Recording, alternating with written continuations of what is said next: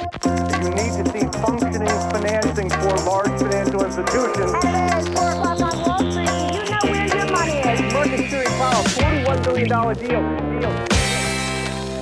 Dags för ett nytt avsnitt av Investerarens podcast. Det är den 10 november när det här spelas in, det är alltså inte måndag. Nu känns det som att det, det får liksom inte gå fler dagar för det kommer så mycket ny information så att det är liksom mitt dokument av agenda, eller någon försök till agenda, exploderar. Därför måste vi riva av det här. Jag har nyss spelat in ett ett och ett halvt timme långt avsnitt med Scandic Hotels Group, ett bolag som naturligtvis drabbades väldigt, väldigt hårt när coronapandemin släckte lampan för världsekonomin. Aktien var ner 82% och sedan dess har vi sett en återhämtning som alltjämt fortsätter. Intressant avsnitt, det kommer komma ut efter den här podden senare under veckan. Men hörni, trots att det är onsdag, det är ehm, eh, lillördag brukar man ju säga, men förra veckan så bjöds vi på en uppgång på börsen, vilket var trevligt. Upp 1,49% för OMXS30 och upp 2,76% för OMXS-GI då. Och nu har vi ju äntligen passerat börshösten, vi är in i vinterbörsen, den brukar vara stark, september, oktober brukar kunna vara lite stökiga.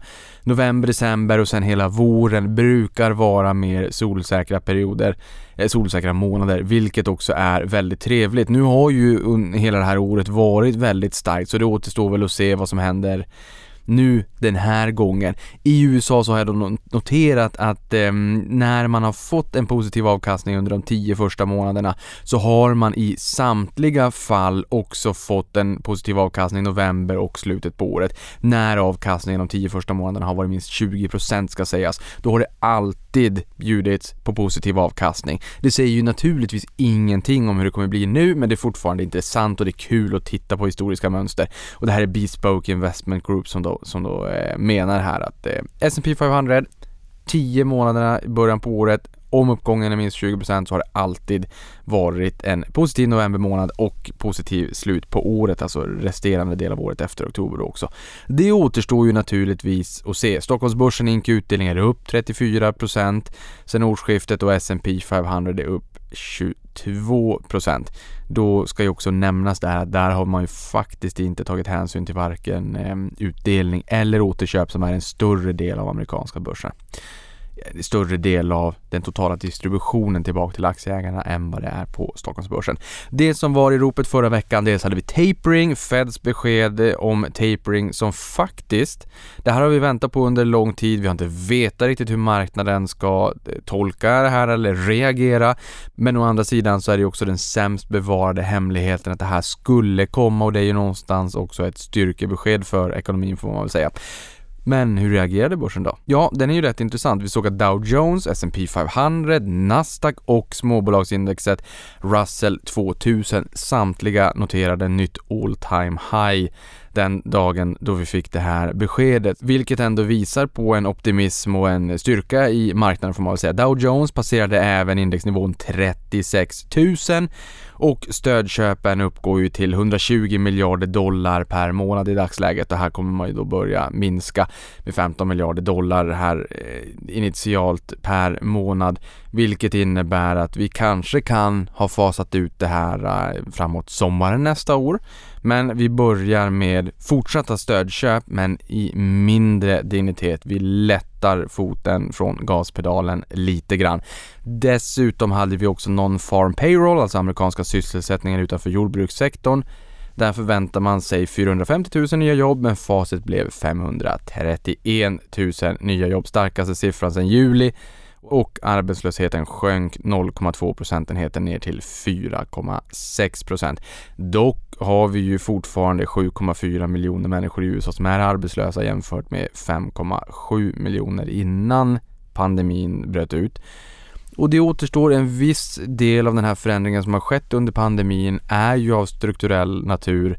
En hel del människor har varit nära pensionsålder och har gått i pension i förtid och, och tackat för sig. Så det återstår lite grann att se den långsiktiga effekten av det här. Men vi ska komma ihåg att amerikansk ekonomi, två tredjedelar konsumtion. Det är jätteviktigt med en stark sysselsättning och att amerikanska hushåll är glada. När amerikanska hushåll är glada så är många andra där ute också glada och det spiller över på Stockholmsbörsen. Vi har jättemånga noteringar nu också. Jag kommer inte ens att eh, få med mig en bråkdel av dem. Men Partytime är ju ett, ett e-handelsbolag inom kalasprodukter som började handlas på NGM Nordic SME idag 10 november med det delikata kortnamnet Party. Sen har vi Get som är VNV Globals portföljbolag Get och som noterades på Nasdaq i USA via spacken Rosecliff Acquisition Corp 1 och här noterar jag att alla befintliga ägare i bolaget inklusive VNV Global kommer att behålla sitt ägande efter noteringen. Och det här är en plattform för att organisera företags bilresor. Och är du nyfiken på det här bolaget så lyssna gärna på avsnittet när VNV Globals VD gästade podden. Det finns bak i katalogen det här är ju inte det enda portföljbolaget de har som är på väg in på, på börsen eller ryktas om att ta sig in på börsen. Sen har vi ett skobolag, Allbirds. Det hållbara skoföretaget Allbirds noterades på Nasdaq och noteringen landade på fötterna. Aktien rusade 63% out of the gate som man brukar säga och min kollega säger att det här är de absolut bästa skorna man kan ha. Jag får lita på henne. Uppenbarligen så gör de ju någonting rätt. Det var ett enormt, jag skulle säga stort, enormt intresse för den här noteringen när bolaget kom in på, på börsen. Så har vi Nextdoor, en social plattform som ska samla kvarteret i ett nytt format och få det att våga prata med grannarna. Passar väl bra i Sverige. Bolaget leds av Sarah Fryer som tidigare var uppskattad finanschef på Square. Aktien steg över 33% i debuten på New York Stock Exchange och gjordes via en SPAC då. Så inte en vanlig traditionell notering utan en SPAC. Eh, och det här nätverket är tillgängligt i över 280 000 kvarter globalt och användarna steg till 63 miljoner i mitten på året upp från 58 miljoner i fjol. Jag har lyssnat på en intervju här med VD också och jag fick uppfattningen kring att eh, de människorna som kommer in på den här plattformen stannar länge och bolaget är väldigt duktiga på att monetarisera de kunderna som också finns på plattformen. I senaste kvartalet steg intäkterna 66% year on year. Så är du lite nyfiken kring det här, in och eh, kika Sarah Fryer var ju en väldigt uppskattad finanschef på, på Square. Det är intressant att se vad hon skulle ta för sig. Nu vart det Nextdoor. Blir intressant att se hur hon kommer förvalta det här bolaget framåt. Om inte annat in och läs på kring bolaget bara för att det är en eh, finansiell allmänbildning helt enkelt. Sen har vi miljöteknikbolaget Norditex IPO som blev kraftigt övertecknad. Den började handlas idag på First North 10 november alltså. Bolaget utvecklar mobila och flexibla återvinningsanläggningar. Sen har vi ljusbolaget Candles Scandinavia som noterades i måndags på First North. De tog in 24,7 miljoner kronor i samband med det och har dessutom Ilja Batljan i ägarled. Det här är ju, de, under de här tiderna så har vi ju sett väldigt många namnkunniga personer vara med som ankare, inte sällan. Eh, och nu ta in 24,7 miljoner kronor. Det är inga jättestora volymer vi, vi pratar om. Men både Ilja Batljan men även Erik Selin har ju varit väldigt aktiva senaste året får man väl säga. Bolaget har som idé att man ska växa då minst 30% per år. Eller ja, som idé. Det är inte riktigt deras affärsidé. Men de vill växa 30% per år och de tar bort paraffinet här i, i vanliga ljus så att säga så att man gör det mera hållbart. De använder eh, fett fetter istället för det här oljebaserade paraffinet som inte är kanske speciellt bra och som jag förstår det är de enda aktörerna att göra det här på en, en, liksom en ganska hög nivå, ganska eh, Eh, vad ska man säga, skalbart om man så säger. Bolaget har hört av sig och vill komma till podden också så vi får försöka hitta en tid så att vi kan lära oss lite mer om Candles Scandinavia. Sen har vi Rent the Runway som noterades nyligen på Nasdaq. Det här är ett konfektionsbolag i USA som hyr ut lyxkläder till kunder via en prenumerationsmodell.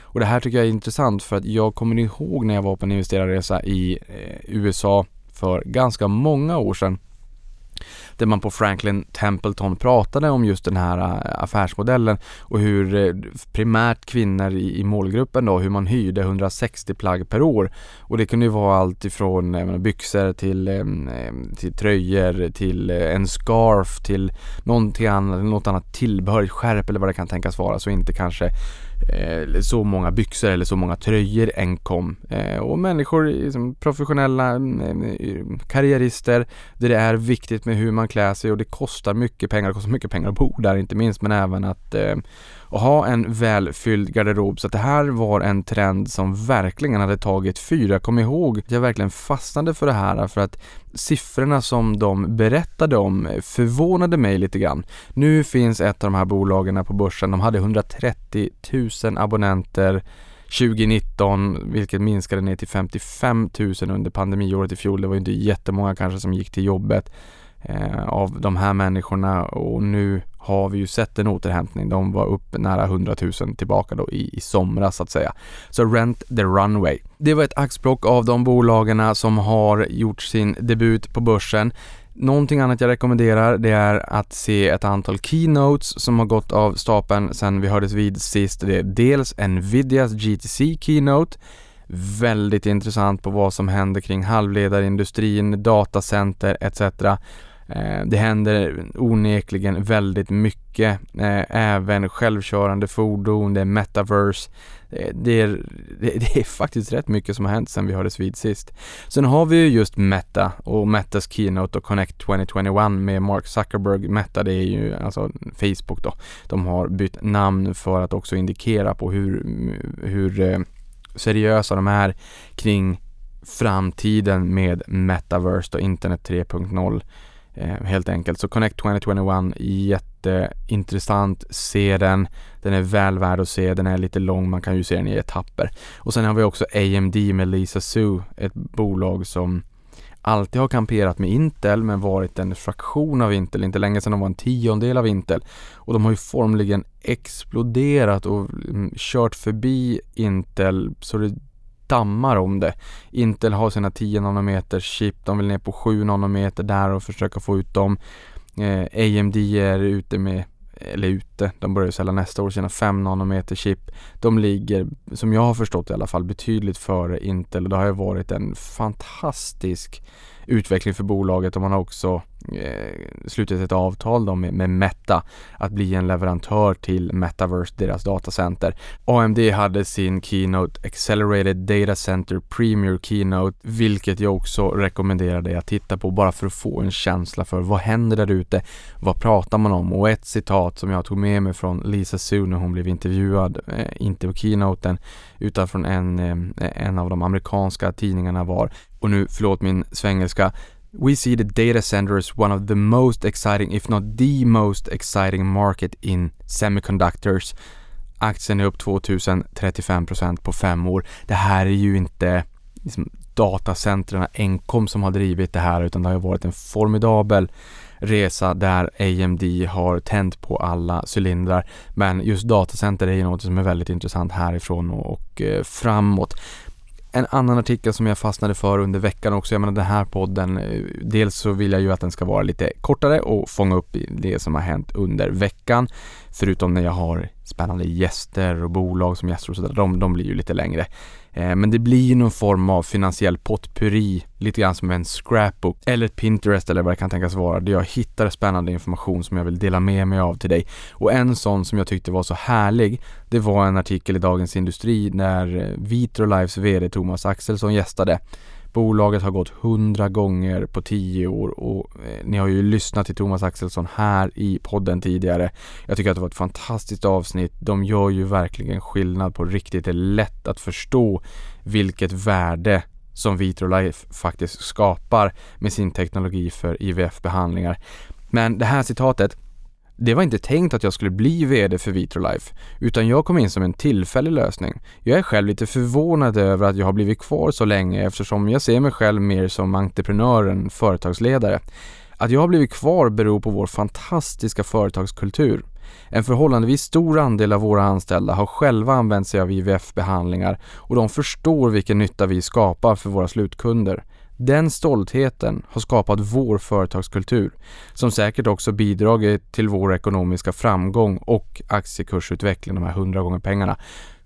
Enkelt kanske att säga, men har du lyssnat på podden, har du inte gjort det så lyssna på det avsnittet. Det är ju precis den här essensen som han fick ut i det avsnittet som också känns som att det är rätt person på rätt plats och hur han målade upp att de allra flesta kollegorna på Vitrolife är där inte bara för ett lönekuvert utan för att de faktiskt känner att de gör nytta på riktigt. Fantastisk företagskultur. Jag tycker det är så oerhört viktigt med företagskultur och att vara purpose driven på det sättet är ju också fantastiskt att få jobba för ett sådant företag. Så att jag tycker, jag gillade den där artikeln. Å andra sidan, det finns ju en annan artikel. Jag gillar när de gör den här typen av artiklar på DI.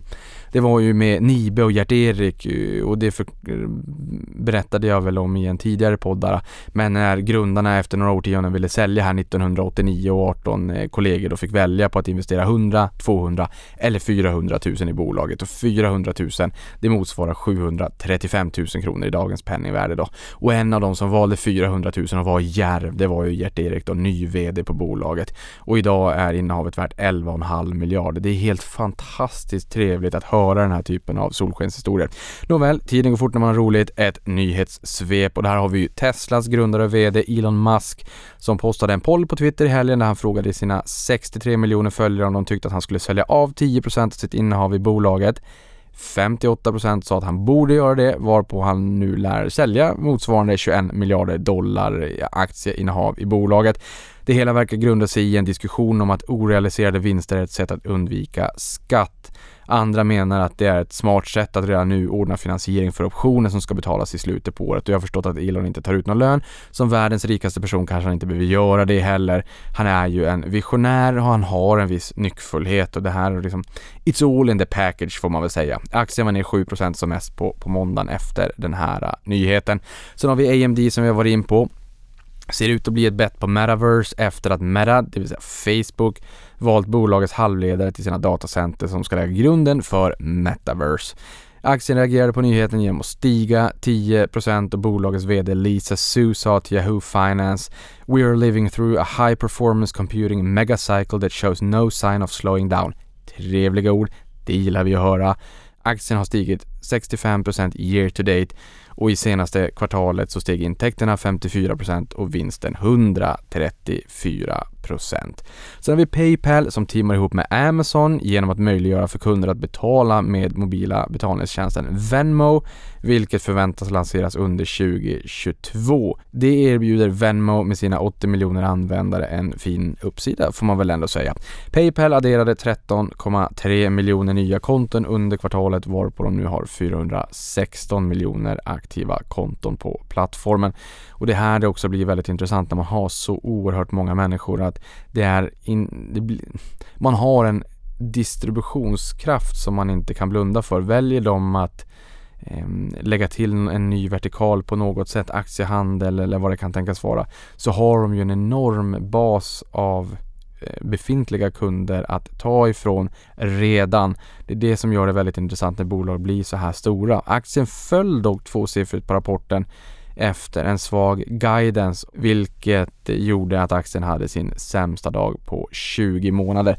Den här svaga guidancen och att man är lite mera negativt påverkad av skilsmässan med Ebay stör lite grann men man får väl helt enkelt eh, växa in i den här eh, Eh, svaga guidancen och försöka återfå marknadens förtroende kommande kvartal eh, helt enkelt. Sen har vi Apples VD Tim Cook som uppgav på Dealbook-konferensen att han äger kryptovalutor och att han har varit intresserad av dem ett tag. Han sa dessutom att han tycker att det är rimligt att äga kryptovalutor som en del av en väl diversifierad portfölj. Se där. Sen har vi Robin Hood som har blivit hackat och miljontals kunder har fått sina uppgifter röjda. Det här har även drabbat Mediamarkt som har blivit hackade och där har man krävts på en lösensumma motsvarande 50 miljoner euro av hackergruppen Hive och betalningen här emotses i bitcoin.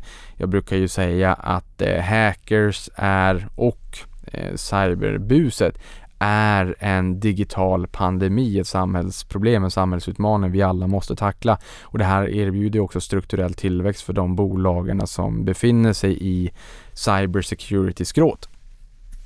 Sen har vi Roblox som har blivit ett metaverse play och fick en rejäl fart under galoscherna efter sin rapport där intäkterna steg 102% year on year och DAUs eller Daily Active Users eller dagligt aktiva användare landade på 47,3 miljoner vilket var en ökning med 31 procent jämfört med förra året. Antal timmar på plattformen ökade 28 procent. Roblox är ju lite grann som ett YouTube för spel där kreatörerna får betalt eh, och man, många kan ju köpa, eller alla om man vill, kan ju köpa saker i spelet för Robux. Och här har man en, en RevShare helt enkelt där eh, de kreatörerna som skapar de här spelvärdena får en del av intäkterna helt enkelt.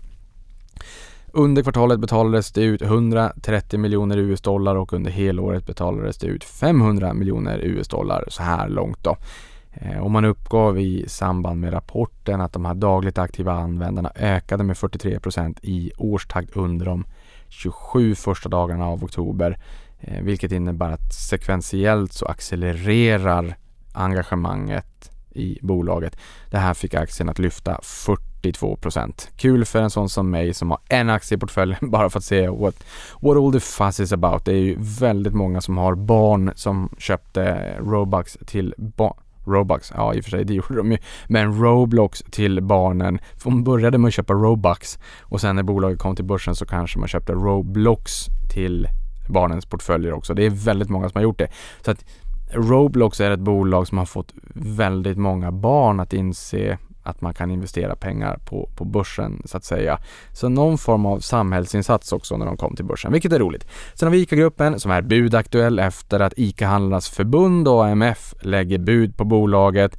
De bjuder upp till dans genom att erbjuda 534 kronor per aktie vilket är en premie på 11% jämfört med stängningskursen dagen innan. Det har ju varit någonting i görningen vilket har synts genom att aktien har stigit över 21% senaste månaden. Eh, citat, vi ser ett tydligt behov av långsiktiga investeringar som främjar tillväxt genom att stärka marknadserbjudandet och satsa på innovation, hållbarhet och digitalisering säger Göran Blomberg, VD Fikahandlarnas förbund. Lite tråkigt kan jag tycka, men eh, ja, desto fler aktieägare lär vi få se i Axfood som äger Willys Hemköp eh, med, med flera, Dagab. Sen har vi det amerikanska matleveransbolaget DoorDash som köper sektorkollegan Volt i en stor affär på 7 miljarder euro. Betalning sker helt i aktier Eh, och EQT Ventures och EQT Growth, de två tillsammans utgör bolagets största ägare och här mottar man då helt enkelt aktier i DoorDash istället. Sen har DI blickat framåt för OMXS30s omviktning och menar att EQT då har en chans att komma in i indexet medan Skanska och Autoliv hänger löst. I slutet på november stängs perioden, eh, den här utvärderingsperioden då där man tittar på vilka aktier som omsätts mest och de 15 mest omsatta inkluderas direkt. Um, och bägge skulle också kunna åka ut om börsägaren Nasdaq då väljer att inkludera börsnykomlingen Volvo Cars enligt paragrafen om snabbspår som de eh, använde år 2000 då, den 13 juni år 2000 när folkaktien Telia kom in på börsen, eh, noterar det idag. Sen har vi också Tomra eller ja, egentligen, jag såg en ganska intressant kuriosa eh, via Wall Street Journal men som jag kopplar ihop med Tomra.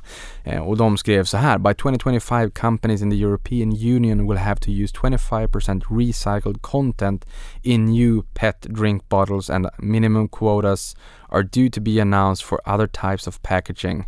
Only around 5% of packaging in Europe is composed of recycled materials according to KPMG. Vilket innebär då att eh, den Europeiska Unionen menar att man behöver ha minst 25% återvunnet material i petflaskor, eh, liksom de PET-flaskor man använder till för, ehm, eh, för drycker så att säga. Och det kommer att komma nya minimikrav för andra typer av förpackningar också. Men det här är alltså för dryckes-PET-flaskor då. Och i dagsläget är det då runt 5% av de här förpackningarna som utgörs av återvunnet material. Så att den siffran ska upp fem gånger till 2025. Det är inte jättelångt dit. Sen har vi Hexagons VD Ola Rolén som har sålt 1,5 miljoner aktier i bolaget under perioden 5 till 8 november för över 200 miljoner kronor. Därefter har han kvar 117 miljoner kronor i bolaget och säger då att hans engagemang och starka tilltro till Hexagons framtid kvarstår. Det finns en mängd spännande möjligheter. De här möjligheterna vill jag naturligtvis veta mer om. Hexagon är ett intressant bolag och här har jag fått till en podd med Hexagon och Ola Rolén som kommer här förmodligen då under senare del av året.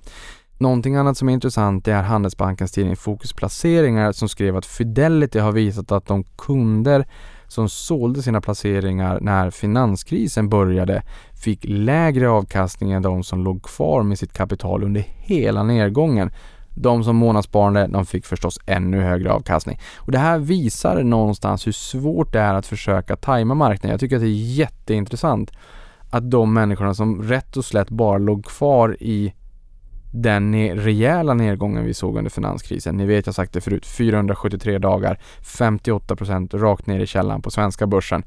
De som låg kvar har rätt och slätt fått en bättre avkastning än de som sålde i inledningen av finanskrisen eh, enligt eh, Fidelity idag. Väldigt, väldigt intressant. För att försöka avrunda den här podden så vill jag också bara säga att rapportaktuella Storytel fick tummen ner av marknaden och sänkte aktien nära 17%. Det här är andra gången i rad. Förra kvartalet var också dramatiskt. Aktien var ner över 20%.